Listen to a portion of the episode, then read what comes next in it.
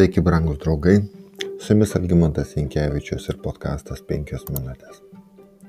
Trumpą laiką filistinai džiaugiasi iš hebrajų paimta sandoros skrinė. Jie atsivežė ją į Aždodą ir pastatė kaip trofėjų savo dievų Dagono šventykloje. Galbūt jie taip norėjo pagerbti savo gyvybę, juk jie tai darė ir anksčiau, kai paėmė Samsoną, kuris daugelį jų nužudė. Jie atvedė jį į savo šventyklą Gazoje, kad pagarbintų Dagoną, tačiau jiems tai tapo didžiulė nelaimė. Pagrobtą Dievo skrinę Filistinai nugabeno iš Eben Ezero į Aždodą. Tada Filistinai paėmė Dievo skrinę, įnešė į Dagono šventyklą ir pastatė šalia Dagono. Atsikėlė anksti kitą rytą aždodiečiai rado Dagoną gulinti kniupčių žemėje priešais viešpatės skrynį. Pakėlė Dagoną pastatė vėl į vietą. Bet jiems atsikėlus anksti kitą rytą, Dagonas buvo pargriuvęs kniūpščias priešais viešpatės skrynę. Dagono galva ir abi rankos nukirstos ir guliens lenkščių. Vien Dagono liemuo buvo likęs. Pirmas Samuelio penktas skyrius. Viešpas leido filistinams nugalėti Izraelį, tačiau jis neleido, kad jo vardo šlovė būtų pagonio pajokos objektas. Dagonas negalėjo atsispirti viešpačiui, nors pasak Samuelio stabai yra nereikšmingi, jis sako 1 Samuelio 12 skyriui, Nusigrėž, nusigrėžkite sekti beverčių daiktų, nene, nenešančių naudos ir negalinčių išgelbėti, nes jie beverčiai. Už jų esančios piktosios dvasios yra tikros.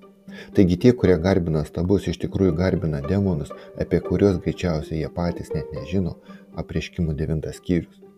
Viešpaties kova yra nukreipta prieš šias netyras dvasias. Dievas neleis, kad jų įstatymas ir jo malonės sostas būtų atnešta kaip paukojimas velniui.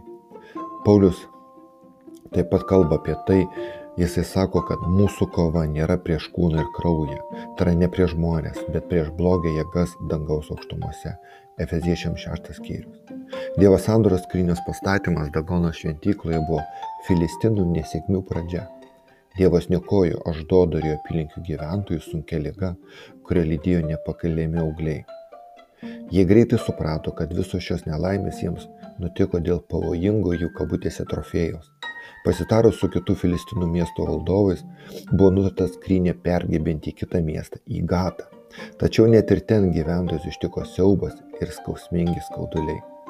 Tada jie išsiuntė Dievo Izraelio Dievo skrynė į Ekroną. Bet Dievo skryniai pasiekus Ekroną, ekroniečiai šaukė, pas mus perkelė Izraelio Dievo skrynę mus ir mūsų giminiai žudyti. Filistinams prireikė septynių mėnesių, kol jie nusprendė gražinti skrynę ten, iš kur ją jie buvo paėmę - savininkams.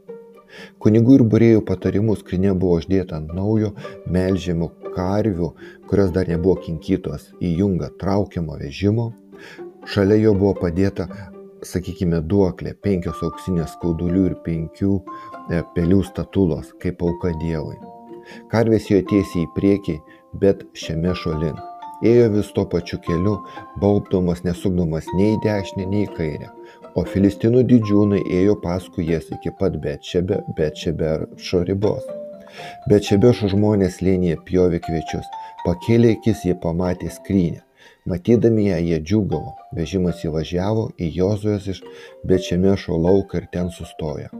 Sukapoję vežimą jie atnašavo karvės viešpačiui kaip deginamąją auką, ten buvo didelis akmuo. 1 Samuelio 6 skyrius. Bečemešas nebuvo paprastas miestas, bet vienas iš 13 miestų, kuriuose gyveno kunigai, Josios 21 skyrius. Jų šventa atsakomybė buvo šventyklos priežiūra. Ten viešpats atgamtiškai nukreipė karves, kurios nepažino jungo. Visą laiką karvės sekė filistinų didžiūnai. Jie matė, kaip negilus, nebylus gyvuliai priešingai prigimčiai seka nematomą piemenį. Tai buvo dar vienas tvirtas liudimas viešpadės kaip vienintelio verto garbinimo naudai. Tačiau Filistinų tautinis pasididžiavimas neleido jiems paklusti viešpačiu, kuriam paklūsta ir pelės, ir karvės, ir lygos.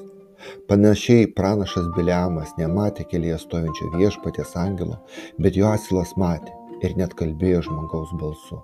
Skaičių 22 skyrius. Brangus draugai, daugelis žmonių ir tada ir šiandieną patekę į hipnotizuojančią blogio įtaką mato tik tai, ką šetonas nori jiems parodyti.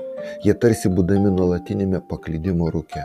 Nemato, nesupranta, kad šalia yra kažkas, kuris nori ir gali sunaikinti jos tvirtai ryšančius, kaustančius šetoniškus pančius. Pažink tiesą, sakė Kristus, ir tiesa išlaisvins tave. Su jumis buvo penkios minutės ir Algimantas Jankievičius.